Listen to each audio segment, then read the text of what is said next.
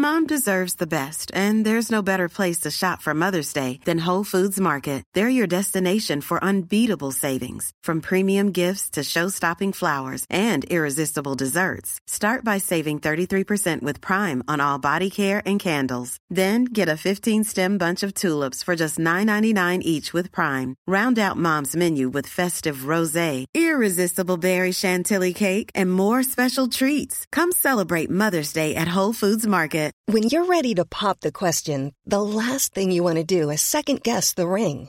At Bluenile.com, you can design a one of a kind ring with the ease and convenience of shopping online. Choose your diamond and setting. When you find the one, you'll get it delivered right to your door. Go to Bluenile.com and use promo code LISTEN to get $50 off your purchase of $500 or more. That's code LISTEN at Bluenile.com for $50 off your purchase. Bluenile.com code LISTEN.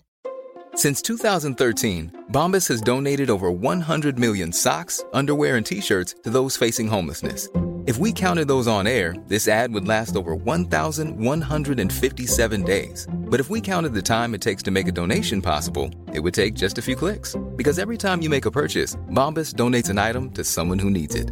Go to bombas.com slash ACAST and use code ACAST for 20% off your first purchase. That's bombas.com slash ACAST, code ACAST.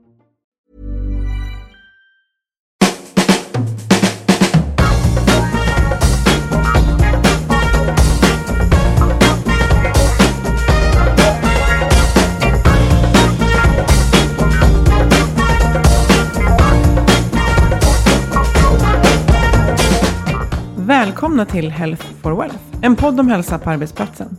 Det här är vår tredje säsong och det här är avsnitt 33. Jag heter Ann-Sofie Forsmark. Jag är hälsostrateg, civilekonom och hälsocoach. Jag heter Boel Stier och är copywriter och kommunikatör. Idag ska vi prata om hälsa på jobbet. Det brukar vi göra och det gör vi även nu efter sommaruppehållet. Men vi ska prata mer specifikt om arbetsgivarens roll och ansvar. Hur tolkas och nyttjas den möjligheten och skyldigheten egentligen? Och vi har professor Torkild Tanem från Stockholms universitet i studion. Men först en tillbakablick. Ja, för i förra avsnittet pratade vi om ledighet. Och då gav vi lite tips och, och ja, tankar kring hur man kan tänka och göra för att vara verkligen ledig. Ja, och egentligen så, det är kanske inte alla som har varit så mycket lediga som lyssnar på det här, får vi egentligen, det får jag full respekt för. Men traditionellt så är man ledig på sommaren och vi mm. hoppas att ni i alla fall har haft en, en, en fin och avkopplande sommar. Mm. Och vi tänkte börja med att skryta lite. För vår samarbetspartner Skandia, de jobbar ju då med att eh, minska sjuktal och öka hälsan genom förebyggande insatser, bland annat. Och de har fått uppmärksamhet på andra sidan Atlanten av Fortune Magazine. Precis. Fortune Magazine Change the World List det syftar till att uppmärksamma företag som har gjort en viktig social eller miljömässig skillnad genom sin affärsidé, och det har Skandia. För det handlar om företag som har tagit hållbarhetsarbetet till en ny nivå för att skapa affärsmöjligheter. Och företagen på listan de rankas efter tre kriterier. Och det är samhällseffekt, reell affärsnytta och innovation. Och Skandia de är faktiskt med som enda svenska företag. Och de är nummer 20 på listan av 50 företag. Och det är faktiskt riktigt bra. Ja, och det här handlar alltså om den modellen när Skandia satsar på hälsan genom tidiga insatser framför allt. Och det här gillar ju vi. Och det här betyder att vid minsta risk för sjukskrivning så får medarbetare i företag som har en försäkring hos dem tillgång till exempelvis terapi eller sjukgymnastik. Eh, och samtidigt så har bolaget sänkt försäkringspremierna och ökat vinsten både för Skandia och för företagen. Eh, win-win. Och så förstås undvikit personligt lidande och offentliga välfärdskostnader mm. som uppstår när någon blir sjukskriven. Ja, mer om hur det här prisbelönta arbetet fungerar kan ni läsa på skandia.se snedstreck friskare medarbetare. Precis. Och nu hälsar vi Torkild Hanem. Välkommen hit. Tusen tack. Du forskar om hälsopromotion på arbetsplatsen. Hur det görs och, och vad det i sin tur gör med kulturen på arbetsplatsen och med vår identitet. Och du ska få berätta, men jag måste först fråga, det här hälsopromotion, vill du förklara vad det betyder? Ja, hälsopromotion eller hälsofrämjande, eh, ja, det innebär ju en rad olika insatser som, eh, som företagen eh, har, implementerar för att främja hälsa och välmående på arbetsplatsen bland sina medarbetare inom organisationen. Och, när du forskar, kartlägger du vad som görs eller studerar du effekterna av det? Vill du berätta lite? Jo, det är klart. Dels så tittar jag på vilka in, eh, intentioner de har med sitt arbete. Sen så tittar jag på vad som görs eh, i praktiken, vad slags insatser de har och slutligen då på, på eh, hur eh, medarbetare i, i, i vardagen eh, förhåller sig till de här insatserna. Hur mycket de deltar, hur mycket de inte deltar, på vilket sätt de deltar och så vidare.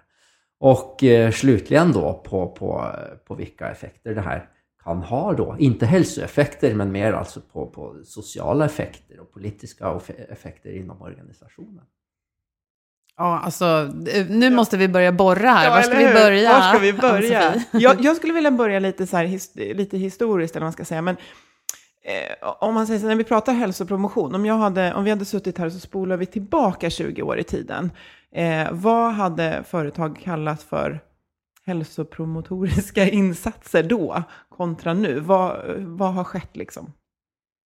Ja, nu kanske inte jag är helt rätt person, jag är ingen historiker, men och egentligen är jag inte så säker på att det är så väldigt mycket som har ändrat sig heller. Mm. Eh, det som snarare har hänt är kanske att en del av de insatserna som, som redan fanns då, de har intensifierats och de har kanske också komplementerats med, med annat. Va? Men, eh, men friskvårdsteam och gymkort, det har man ju haft länge. Va? Och sen så, så, så är det inget nytt att, eh, att kollegor eh, kör ett gympapass tillsammans. Och i Sverige har man ju en lång tradition för detta med, med, med korpen också och med, och med för, eh, företagsidrotten, den rörelsen. Eh, men det som har tillkommit är kanske det att man har börjat titta mer nu än vad man gjorde då på, på saker som rör kost och diet. Eh, nutrition. Oh. Det är att äta. Det är mm. att äta hälsosamt. Um, på vilket sätt är företagen involverade där idag? Jo, på en del av organisationerna, företagen där jag har varit, så har de ju haft eh, särskilda föreläsningar, bland annat, om, om kost, vad det är som är nyttig kost och vad man behöver äta eh, för att eh, för att också kunna orka eh, arbeta och för att kunna orka, orka träna. Mm. mm. inte speciellt avancerat nödvändigtvis. Eh, åtminstone på ett av företagen så lyfte de väldigt mycket fram den här traditionella tallriksmodellen. Mm. Gjorde de. Så, um, men på andra, på andra arbetsplatser så har de ju bland annat haft, uh, haft föreläsningar inför, inför uh, stora evenemang när man, där ett gäng medarbetare har ja, in, inför stora evenemang, inför stora sportevenemang va, där man har haft medarbetare som har deltagit. Då har man kanske arrangerat då pastakvällar och liknande va, för att ladda inför, inför, inför loppet. Mm. Så att man får i sig tillräckligt med långa kolhydrater, långsamma mm. kolhydrater för att mm. orka med att springa två mil eller tre mil eller ännu längre. Och då kan det här loppet vara något som, man, som är någon slags samarrangemang inom bolaget, där man uppmuntrar folk att delta, eller? Ja, precis. Ja. Okej, men för jag tänker det här med mat och hur man ska äta, ja det, det, kan ju vara bra att ha sån kunskap, men det är också lite pekpinnigt. Och hur känner då medarbetare inför att eh, arbetsgivaren är där och petar i vad man sätter i sig? Ja, det kan vara så olika. En del, del uppskattar ju detta va? och eh, tycker att det är bra att få tips och råd om hur man äter, lägger om kosten och, och livsstilen och hur man äter mer, mer hälsosamt. Men på ett av eh, en av organisationerna som, som jag var så eh, tyckte väl eh, en del av medarbetarna åtminstone att personalchefen då som tog detta initiativet eh, hade lite väl för mycket alltså detaljerade eh, åsikter, uppfattningar och pekpinnar om, om, om hur folk borde äta, vad de borde äta till, till lunch och så vidare.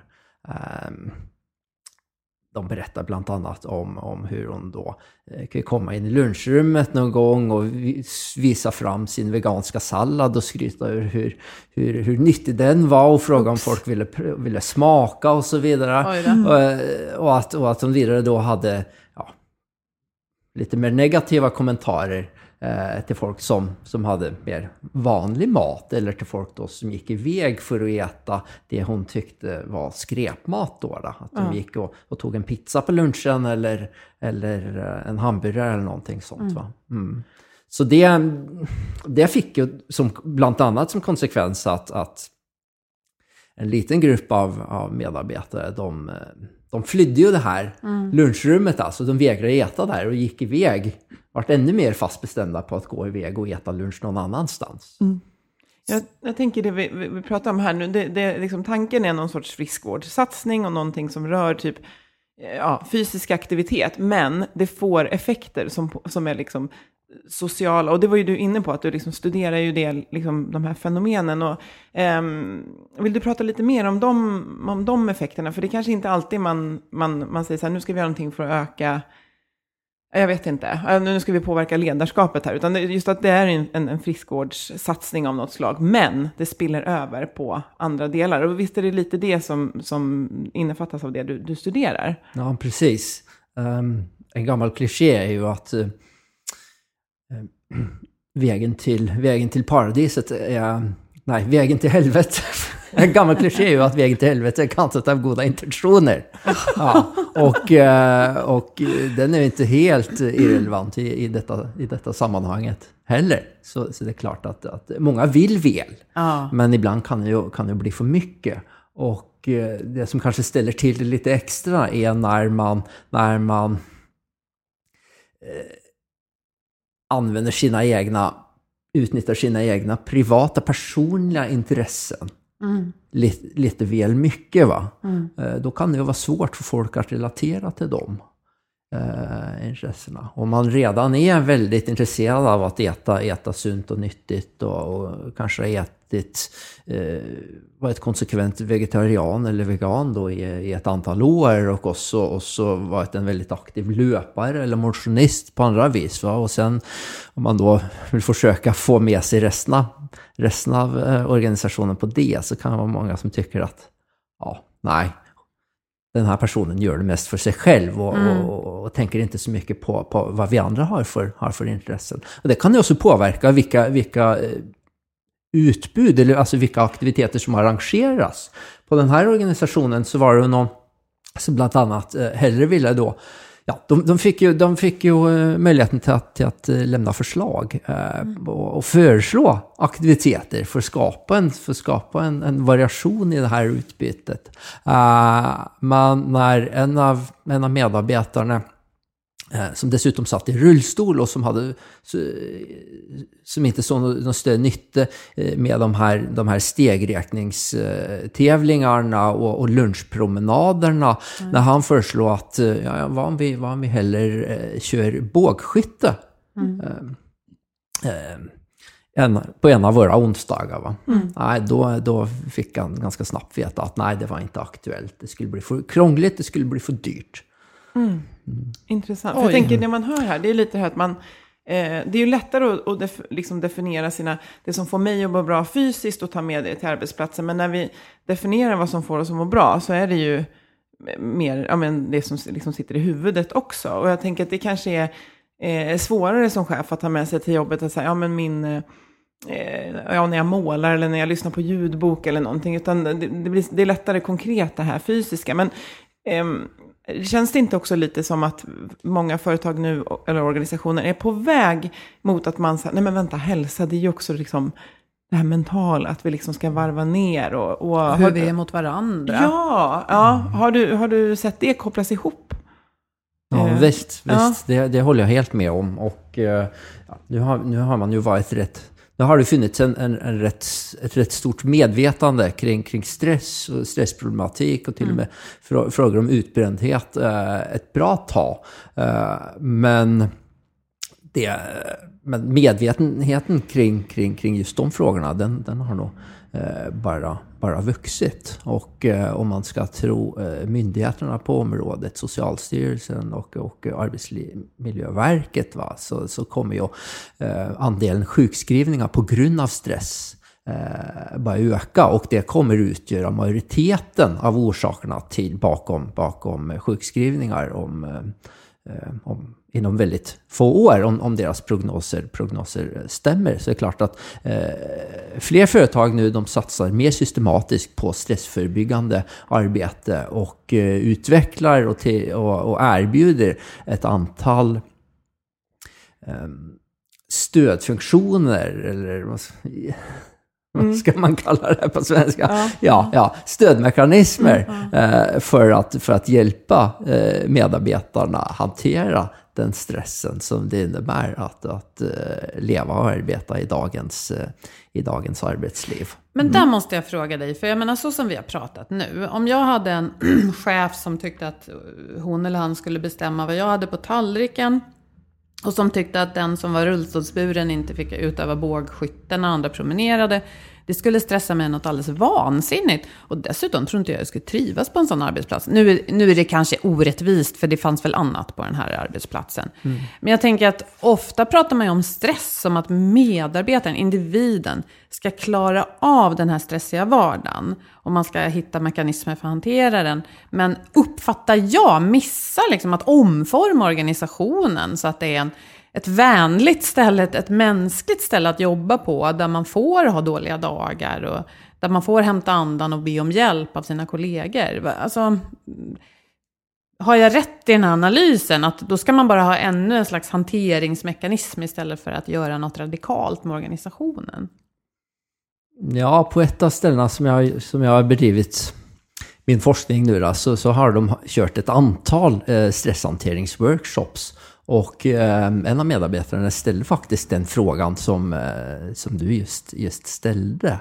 Är det inte något eh, fel med samhället och med arbetslivet som, som skapar den här, presta, den här prestationspressen och den här stressen i, ehm, eh, i första omgång eh, borde vi inte heller försöka ändra samhället, ändra ekonomin och, och, och hur vi arbetar i stort och hur, och hur arbetslivet och hur företagen och organisationerna fungerar. Eh, då replicerade psykologen eh, följande att nej, det var nog rätt orealistiskt. Så därför så var det bättre att, eh, att försöka jobba från den utgångspunkten vi har idag och hellre då försöka eh,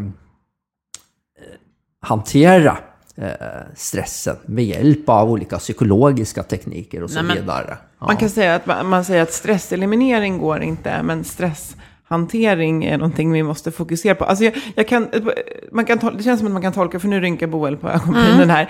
Jag tänker att man kan tolka det på två sätt. Jag, jag känner att jag har liksom kanske sagt det här själv också, att livet kommer hända och, och sådär. Men, men, men sen kan, tycker jag att man kan ju livet händer ju ändå, men det, det känns ju lite onödigt när, när stressen kommer från saker eh, som vi kan faktiskt förebygga i form av hur vi jobbar. Och, eh, en, fråga som, som jag får väldigt ofta, det är liksom så här, men kan du inte säga något företag som liksom har koll på det här? Och det man menar då, det är att det här är en organisation där människor inte upplever negativ stress. Och jag har liksom, nej, jag kommer faktiskt, jag, jag kan peka ut massa organisationer där man gör väldigt mycket för att stötta det här. Men, men det är en individ som kommer in på jobbet på morgonen eller när man börjar jobba.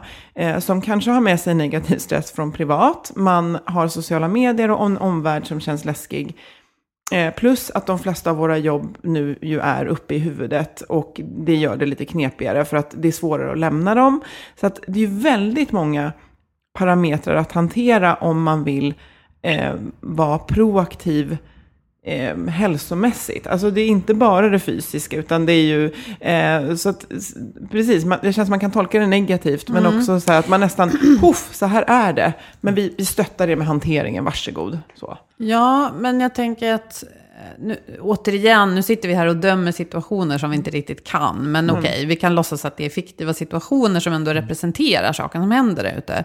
Och då skulle jag vilja fråga den här psykologen, att kan inte du då istället vända dig till representanten för den organisation som hade bjudit in till det här och säga, ja men det kanske finns saker som, som företaget kan göra för att livet ska bli skönare och enklare. För vi vet ju att vi presterar ju bättre, inte bara när vi liksom är ute och springer på, på lunchen eller äter rätt saker, utan också när vi känner att vi blir sedda, eh, lyssnade på. Trygga. Ja, try- precis. Där vi är delaktiga, där ledningen i företaget är hyfsat transparenta och berättar vart vi ska. Och de där grejerna känns det som att man glömmer. Och det kan ju arbetsgivaren i allra högsta grad påverka. Ja, men visst. Och det tror jag också på, att, att på, på, på just den arbetsplatsen så, så jobbar man väldigt systematiskt med och så de bitarna. Och det finns en väldigt stor medvetenhet eh, bland, inom ledningen, och i synnerhet hos personalchefen, att, eh, att eh, den, den fysiska och den mentala hälsan hänger, hänger väldigt eh, väl ihop. Ehm, så utöver eh, träningsinsatser, motion, sporttimme och sådana här saker eh, så erbjuder man inte enbart, enbart eh, stresshanteringsworkshops men man, eh, man eh, försöker också lära, lära medarbetarna arbeta eh, mer effektivt med, med sin mail till exempel. Så att den är ju ett, ett ständigt störningsmoment i dagens arbetsliv. Va? Där, där man försöker få medarbetarna till att, till att endast arbeta med, med, med, sin, med e-postprogrammet under, under bestämda, bestämda tider. Där man betar av mail, där man betar av uppgifter och att man då stänger ner mailprogrammet helt och hållet under stora delar av arbetsdagen. Ehm, så det är väl ett, ett sätt då där man kan, där man kan få den här, den här eh, där man kan reducera eh, externa eh, störningsmoment eh, för att bättre kunna arbeta fokuserat. Ehm, Eh, Vidare så erbjuder de ju eh, meditationsworkshops och, och sessioner. Så, så de gör, de gör massa, massa sådana saker också. Va? Gör de. De, gör, de, de arbetar med, med feedback, försöker utveckla en feedbackkultur. Va? Och, och de kör eh, kontinuer, alltså de kör regelbundna eh, morgonmöten eh, där de just eh, tar upp de här frågorna, va? om eh, de här strategiska frågorna, om, om vart företaget ska och var, det är, var det befinner sig nu och, eh, och hur man ska ta sig dit. Eh, så jag vet inte om, om, om det är den enda frågan här som, som restes av din, din, din förra fråga. Men Ehm, det, jag tror inte det endast rör sig, om, rör sig om, om, om, om transparens och feedback och sådana saker. Utöver det så har det väl helt enkelt att göra med eh, den press som företagens prestationsmål och produktivitetsmål ställer på människor. Eh, och då kan det ju vara svårt att, lära, att leva som man, som man lär. Om, eh, om man har så ambitiösa mål va? för att kunna slå sig fram inom en ständigt tuffare marknad. Ja, det blir väl en, en, en baksida av transparensen och delaktigheten och, och är ju också att ja, det som påverkar företaget tricklar ner. Och det blir så här, om vi är under press, då är ni under press. Men ehm, det låter ju som, här har man ju liksom många, många bitar på plats. Men om man, om man backar lite just till det här, hur, hur det här, alltså det finns ju ett mässigt ansvar som, som regleras av mycket föreskrifter beroende på bransch och sådär. Men, men hur eh, tycker du, och nu tittar vi inte historiskt flera hundra år tillbaka, eller liksom 10-20 år, men, men just hur man, ser du ett skifte i hur man, med tanke på den ökande stress, negativa stressen, hur man tolkar sitt ansvar som arbetsgivare? Hur, hur, hur ser det fenomenet ut idag, 2017, kontra kanske, jag vet inte, 5-10 år sedan så? Vad hände där? Ja, jag tror faktiskt att man, att man ser att man har ett större ansvar nu och det kan, kan ju bero på olika saker. Men, men en sak eh, är just det att, det att stress och mental hälsa eh, har vuxit fram som en, som en större problematik eh, inom, inom arbetslivet än, än, än vad det var tidigare. Åtminstone så är medvetenheten, medvetenheten eh, ökt. Och, eh, och det har ju också fått som konsekvens att lagstiftningen har ändrats. Va? Så, att, så att nu är ju arbetsgivaren pålagt att bedriva stressförebyggande arbete. Men då Arbetsmiljöverket genomförde en undersökning, inte inom alla branscher, men inom en del branscher och, och sektorer, både privat och offentligt, så kom man fram till att eh, majoriteten av organisationerna saknade eh, förebyggande, stressförebyggande insatser. Gjorde de. Eh, så detta är ju något som, som, som fler och fler företag förmodligen, eh, ja, om man ska följa lagen, kommer arbeta, arbeta mera med. Absolut, och där är det ju ja, en fallolycka, ja, den förhindrar vi så här väldigt konkret. Förebygga negativ stress, det är ju egentligen, alltså rent krasst, väldigt, väldigt unikt. Men man har ju ändå en bransch och en verksamhet som man känner till. Att i den här verksamheten så präglas vi av, eh, ja, det är bara mina mina reflektioner. Mm. Nej men precis, så i den medvetenheten så har vi också lärt oss att ja, stressen kan också uppstå av konflikter på arbetsplatsen som en jättevanlig orsak till att folk mår dåligt och blir sjukskrivna.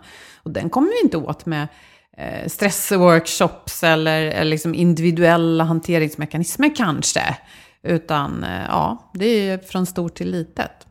Eh, jag tycker det är intressant att se hur företagen, det här upplever jag i alla fall, för vad du tycker om det, på något sätt får ett större och större ansvar för hela våra liv upplever jag. Jag menar, dels det här med hälsa. Jag upplever att vi går ju från en, ett samhälle där här i Sverige i alla fall, staten hade en tyngre roll förr. Jag vet inte om det har skett någon slags glapp där kanske, mm. eh, eftersom det ändå har varit ett skifte. Ehm, eh, och eh, även tänker jag när det gäller värderingar, det här är en lite så här sidospår, men jag kastar in den mm. ändå. För att vi har ju varit ett ganska sekulariserat samhälle länge. Men ändå tycker jag att på sista tiden har ju det här med värderingar blivit någonting alldeles självklart som man jobbar med i arbetslivet. Man ska ha värdegrund och så. Och det inbillar jag mig att man kanske inte pratade lika mycket om för sig då 30-40 år sedan. Är det så att företagen har blivit den här stora trygga liksom, farbrorn eller tanten som ska ta hand om alla nu istället för farbror staten? Delvis tror jag det stämmer. Eh, det är klart att i länder som Sverige och Norge eh, så har välfärdsstaten eh, spelat en, en avgörande roll för hur, en betydande roll för hur arbetslivet ser ut och, och hur arbetslivet eh, levs och, och upplevs av, av, av, av enskilda medarbetare, enskilda individer. Det skiftet man kan, man kan se, det, det började för länge sedan skulle jag vilja påstå. Medan man, man då eh, från med, ja, 30-talet i mm. Sverige utvecklade eh, folkhemmet mm. där, där hälsa och välbefinnande var ett offentligt statligt ansvar i stor utsträckning. Så började man redan på 70-talet att eh, tala i termer om den nya folkhälsan. Och det var som en konsekvens av att, av att eh, livsstils sjukdomarna eh, växte fram och, eh, och eh, ersatte, eller alltså vart då de, de, de största orsakerna till, till, till tidig död. Mm, istället inom, för 50 inom, år till innan inom, det så var det kanske fattigdom eller brist på vård? Ja, och smittsamma sjukdomar. Va? Ja, som mm. tuberkulos och polio och så vidare. Mm. Så, så då gick man ju då från, från, från ett, en, en epido, ett epidemiologiskt tillstånd där det var smittsamma sjukdomar som behövde förebyggas och behandlas. Och förstås något som, något som, eh, eh, som, som en eh, som då krävde stora, stora politiska och, och sociala eh, insatser på mm. makronivå. Men eh, när man då har lyckats att i stort eh, ja, utrota de sjukdomarna, mm. i, åtminstone då i, ehm, eh, i Skandinavien, mm. så så, så, så vart man varse om att livsstilssjukdomarna mm. var då det stora hälsoproblemet. Mm. Och då lade man ju om. Från att hälsa och väl, välmående hade varit ett offentligt ansvar så blev det allt mer ett individuellt ansvar. Mm. Och eh, för att kunna hantera eh, och förebygga livsstilssjukdomar så, så, så eh, växte oss uppfattningen fram att, att, att detta gör man bäst genom att ge individen inte bara ett ansvar men också en, en, en, en viss valfrihet mm. i, hur man, i hur man tog hand om sig själv. Och detta har ju endast tilltagit skulle jag vilja säga, eh, åtminstone fram till, fram till eh, detta mm. århundra, århundraskiftet. Mm. Där man då har sett att, eh, att de här pekpinnarna och, och, och listorna med, med vad man bör äta och inte bör äta, ja, de har kanske inte, de har kanske inte eh, haft lika stor effekt va? Mm. Eh, med den tilltagande individualismen. Och istället så har man då eh, försökt arbeta enligt en mer ekonomisk, instrumentell och konsumtionsmässig logik. där man snarare har appellerat till, till individens eh, ekonomiska sinne och deras och, en, och ens konsumtionsmässiga begär. Där, eh, där, eh, där eh, kost kostkampanjer till exempel. Mm. is- Istället för att eh, sitta här med, komma med pekpinnar Mm. om, om, om, om eh, ja-mat och nej-mat. Mm. Så har man istället då försökt göra, eh, paketera eh, den sunna hälsosamma maten. Ja. Mm. Frukt och grönsaker. Så, så, så, så ehm, så lockande och njutningsbart som möjligt. Och där alltså har vi fått de här eh, ät fem frukter och grönsaker om dagen Mm. och, och sådana här kampanjer. Va? Och där liksom underte- inte bara undertexten, men det, slutsatsen i de här kampanjerna är att du kan äta så mycket du vill. När det gäller antirökningskampanjer så, så har det också så har det sett lite, lite liknande ut. Va? Där man då har appellerat till eh, till, eh, till individens eh, ekonomiska sinnelag och, eh, och eh, illustrerat hur mycket man, pengar man skulle kunna spara genom att sluta röka. Man kan spara så mycket pengar att man kan, man kan åka på en lyxig semester till exempel, eller man kan köpa sig en, en flott motorcykel. Så, så det är en annan logik man, har, man, har, man har använt och sett, sett växa fram då under, under 90-talet och det tidiga eh, 2000-talet.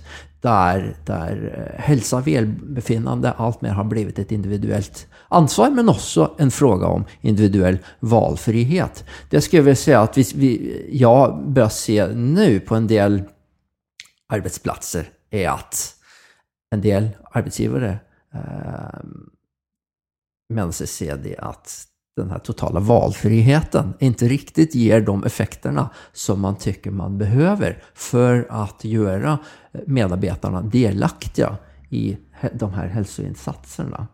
Så att eh, om, om eh, lunchpromenaderna eller, eller eh, motionstimmen är frivillig, då är det väldigt många som, som väljer bort eh, de här aktiviteterna. Va? Och därför så ser vi också nu att, att en del företag helt enkelt gör de här aktiviteterna obligatoriska.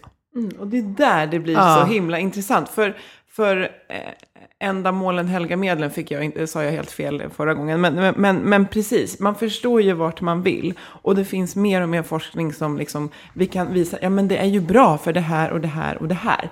Men vi börjar stöka i det här integritets, eh, känsliga integritetsområdet. Ja, för när man då inför en eh, högre grad av tvång, alltså det är inte frivilligt längre, dels, eh, ja, dels eh, ja, vad händer med kulturen? Hur mår vi i den där kontexten? Och vad säger det om integritet och vad arbetsgivaren får och inte får? Vad säger du om det?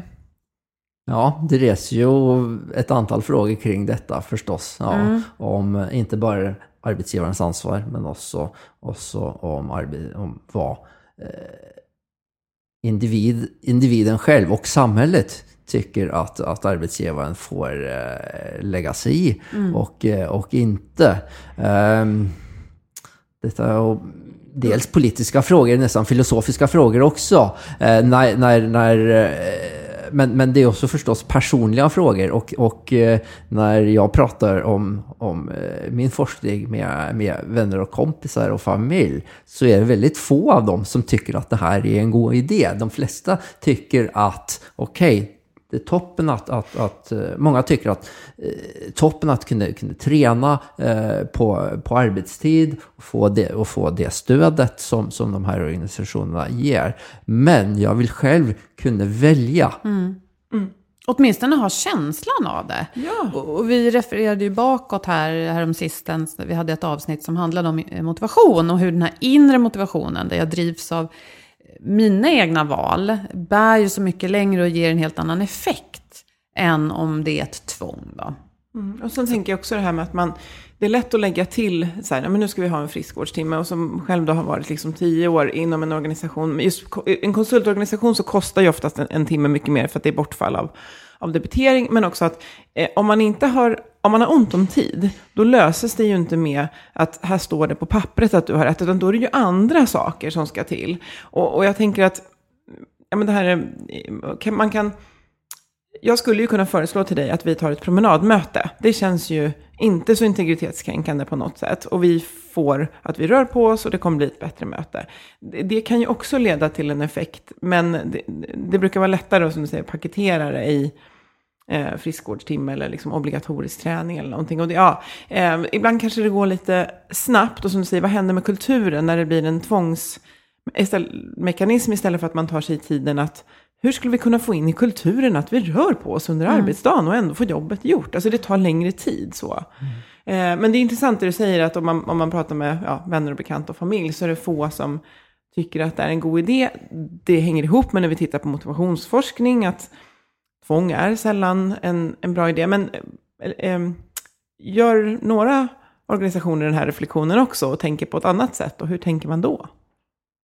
Ja, alltså där jag är just nu så jobbar man ju rätt sofistikerat med detta, eh, tycker jag.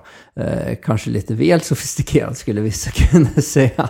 Därför att där försöker man ju kombinera eh, den tvångsmässiga aspekten med, med, eh, de motivation, med, med, med, med de motivationsmässiga aspekterna. Så, hur, då? Så, så å ena sidan så har man väldigt tydliga mål om vart man ska och hur man ska, om hur man ska, ska komma dit. Eh, så så, så där, där har de en väldigt eh, tydlig och väl utvecklat, väl utarbetat styrningsregim, skulle man kunna säga. Rationell ekonomisk styrningsregim.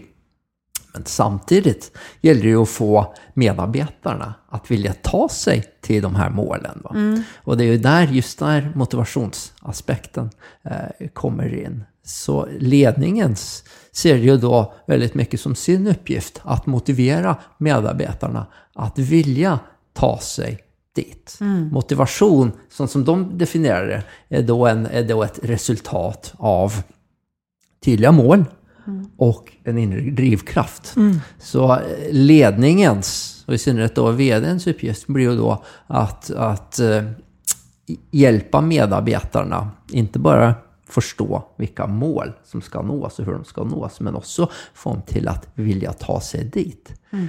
Älska nå de här målen. Mm. Verkligen brinna för att nå de här målen. Så där ser vi då att, att, att, att, att man, man kombinerar den här rätt ekonom, ekonomiska, rationella logiken å ena sidan med, med en mer, vad ska man kalla det, en begärsmässig logik å andra sidan. En libidinal begärsekonomi ska man nästan kunna säga ja. att, man, att man utvecklar. Men ja. vad är det man gör då? Kan du prata om vilket företag det är? Ja, det skulle jag kunna göra. Jag vet inte om det spelar så stor roll Nej, i, det, vet vad, i det här. Vi, vi spar det. Vi kanske ja. får ta hit dem och fråga ut ja. mm. men, men vad är det för åtgärder man, när du säger då att det här mer ekonomiskt rationella, vad är det man gör då? Och vad är det man gör för att väcka den inre drivkraften hos människor? Jo, för att alltså, alltså, den ekonomiska biten, det, det är att alltså, man har ett väldigt, väldigt väl utvecklat prestationssystem med mm. väldigt tydliga mål. Eh, och med, med, ehm, med, eh, med regelbundna uppföljningar på individuell nivå, på gruppnivå, på organisatorisk nivå kring, alltså man... kring målen och, och, och, och, hur man ska nå dessa målen. Va? Så, så det är ju, det är ju den här ja, det här prestationssystemet. Som att om jag säljer, kunna... att jag ska sälja precis si så mycket pengar eller dra in x antal affärer. Ja, men precis. Mm. Precis. Ja. Och, och det kan, det kan vara andra, andra mål också. Mm. Och där, där personliga mål, eh, där alltså prestationssystemet utgörs inte enbart av, av de här funktionella ekonomiska målen, men där man lägger in eh, personliga mål också. Att utveckla kompetens. Utveckla sin kompetens, bli starkare, bli friskare. Därför att när man är starkare då orkar man mer, då blir man gladare, då, då, då jobbar man bättre, man jobbar smartare och man, man blir mer effektiv eh, i sin, i sin arbetsroll. Så, som att öka syreupptagningens Ja. förmåga och sådana mål. Okej. Och hur väcker man eh, den inre drivkraften hos medarbetarna? Jo, då, då, då, då spelar ju de här, de här regelbundna, de här veckomötena, de spelar ju de en stor roll. Va? Därför att, eh, därför att då, då, då, då, då gör ju då gör ledningen sitt, eh, sitt spel kan man säga. Eh, där man, där man in, både talar om, talar om målen, men där man levandegör den här målbilden genom ett antal ja, anekdoter, berättelser, skämt och så vidare. Ja. För att, för att eh, linda in. Ja, ja, men bygga Nej, för att skapa Ja. det, för att skapa en entusiasm kring de här målen. Ja. Och för att var och en ska se vad jag ska bidra med för att vi tillsammans ska kunna nå målet. Ja, precis. Ja. Och sen så gör man en massa andra saker också. Mm. Eh, man, man, man, man, man har en del, alltså, eh, ma- massa olika aktiviteter, evenemang, eh, tävlingar till exempel. Man, man, eh, man, eh, där man,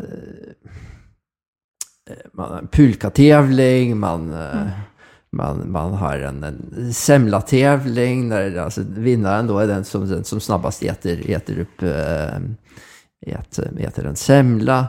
Man har, man, man har, an- man har andra, andra tävlingar. Va? Ja, ja. Allt, du, allt möjligt. Fungerar det?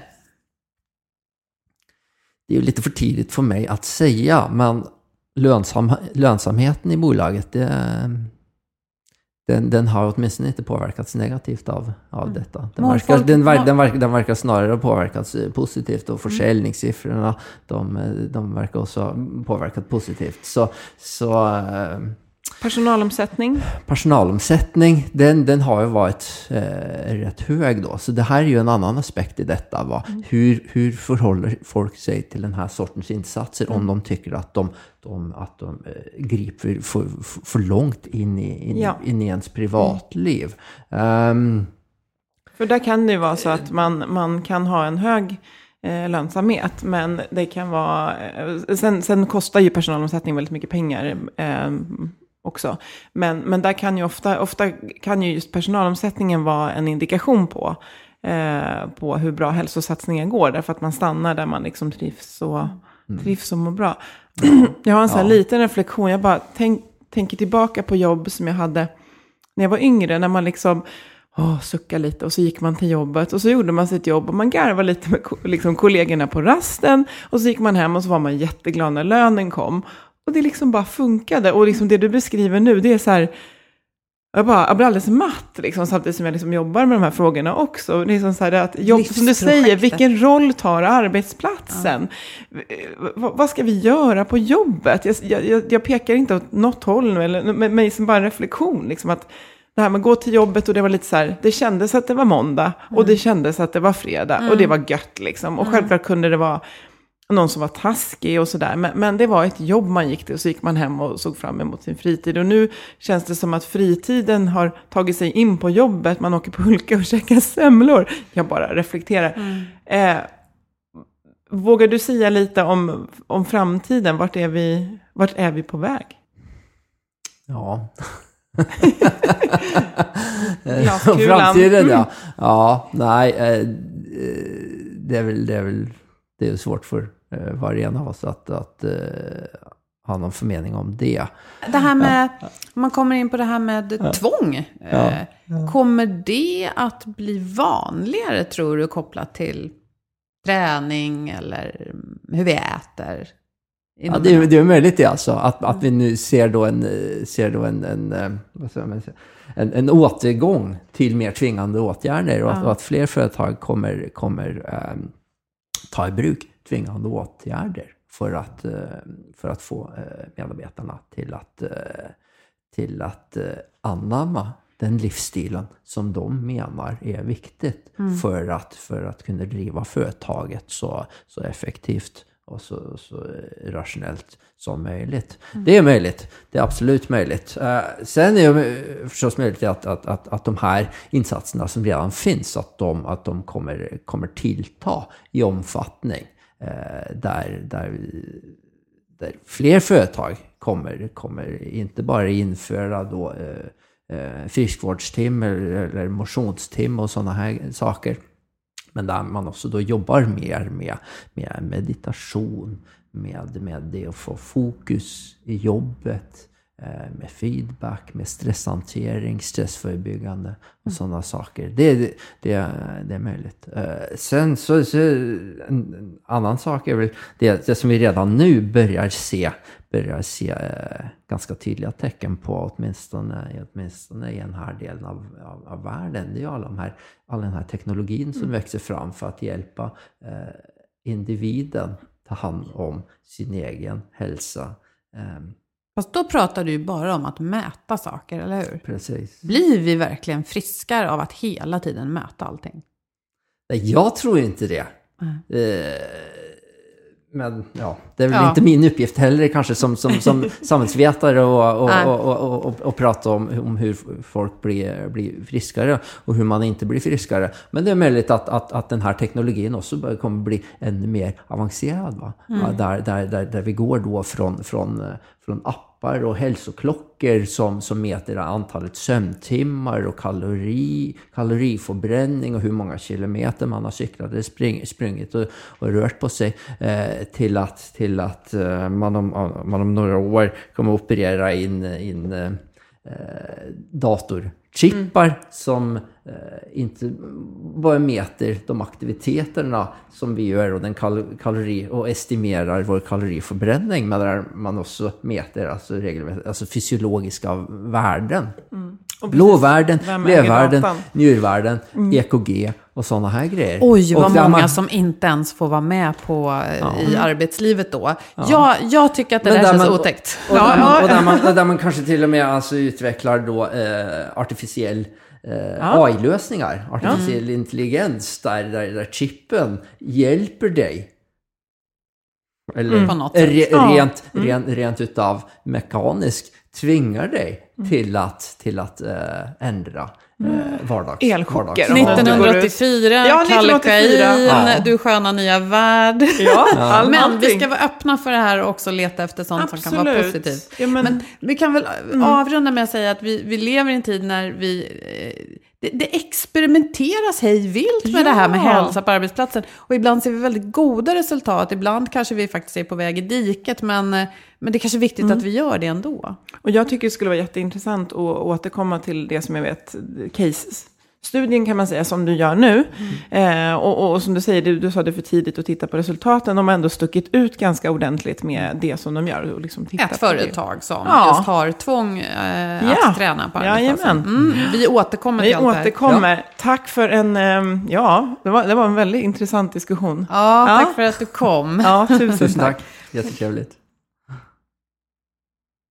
Och eh, ja, vår partner Twitch Health, de har hjälpt många kunder att arbeta fram eh, proaktiva hälsostrategiska planer. Och en av de frågor som varje företag diskuterar och, eh, och ofta ja, enas om, i alla fall inom organisationen, det är det som vi har pratat om idag. Vem är det som bär ansvar för hälsan? Mm.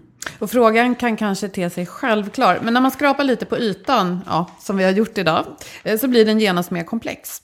Och för att komma fram till ett svar lite snabbare då, som ditt företag kan eh, ha nytta av, så kan de här frågorna vara vägledande. Vad är företagets uppdrag eller affärsidé? Och tips och vanligen har det här att göra med att eh, prestera någon form av resultat och koppla det till det. Mm. Och vad är hälsa? Hur definierar ni det på ert företag? Och vilka faktorer anser ni bidrar till hälsan? Och livsstilen vet vi har en stor påverkan på individens hälsa och även då när de är på jobbet. Och vem är ansvarig för livsstilsvalen? Kan företagets kultur och erbjudande inom hälsa påverka individens eh, livsstilsval? Mm. Och hur påverkar sen i sin tur de valen möjligheten att nå de yrkesmässigt individuella målen? Och hur bidrar hälsa, den hälsa man har definierat då, till att uppnå företagets eller organisationens övergripande mål? Mm, det har vi arbetat oss hela vägen från individ till företagsmål. Mm. Sen kan man då fråga sig, varför ska ett företag arbeta med hälsa? Vilka är motiven? Det kan vara bra att tydliggöra det. Och sen, vilket juridiskt ansvar har företaget och medarbetaren för hälsa på företaget? Och vad säger arbetsmiljölagen och dess föreskrifter kopplade till den, om företagets ansvar inom hälsoområdet? Det här eh, ska man ju ha koll på. Och eh, ja, det är jätteviktigt. Och det är verkligen grundplåten kan man säga, just de här föreskrifterna. Mm. Och det här kan ju bli en stor dialog, men tillsammans så kan de utgöra ett utmärkt underlag för att svara på just den här frågan. Vem bär ansvar för hälsan? Lycka till med det! Och givetvis går det bra att kontakta Twitch Health om ni vill ha stöd i ert arbete och eh, sådana här interna diskussioner. Besök twitchhealth.se och de här tipsen de kan du hitta under deras blogg. Mm. Nästa gång blir det mer intressanta samtal om hälsa på arbetsplatsen, för det är det vi sysslar med här. Kanske något om rörelse i vardagen, kanske något om ledarskap, eller så förvånar vi er med någonting helt annat. Och tills dess är ni varmt välkomna att diskutera med oss på Facebook, LinkedIn och på hemsidan healthforwealth.se. Och ni får jättegärna ge oss en recension i iTunes. Vi vill rikta ett stort tack till våra samarbetspartners Skandia och Twitch Health. Och förstås Agda Media för produktionen. Tack för att ni lyssnade. Hej Tack och hej.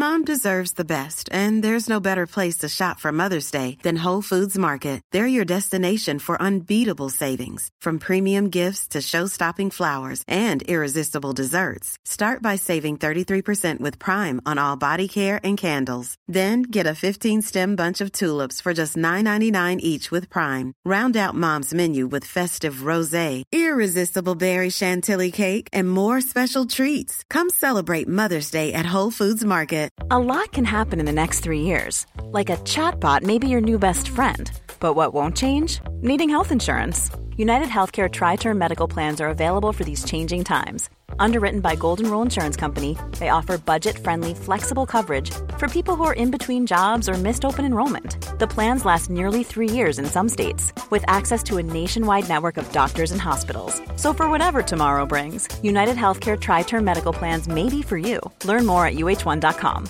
Normally, being a little extra can be a bit much, but when it comes to healthcare, it pays to be extra and United Healthcare makes it easy with Health Protector Guard fixed indemnity insurance plans. Underwritten by Golden Rule Insurance Company, they supplement your primary plan, helping you manage out of pocket costs without the usual requirements and restrictions like deductibles and enrollment periods. So when it comes to covering your medical bills, you can feel good about being a little extra. Visit uh1.com to find the Health Protector Guard plan for you.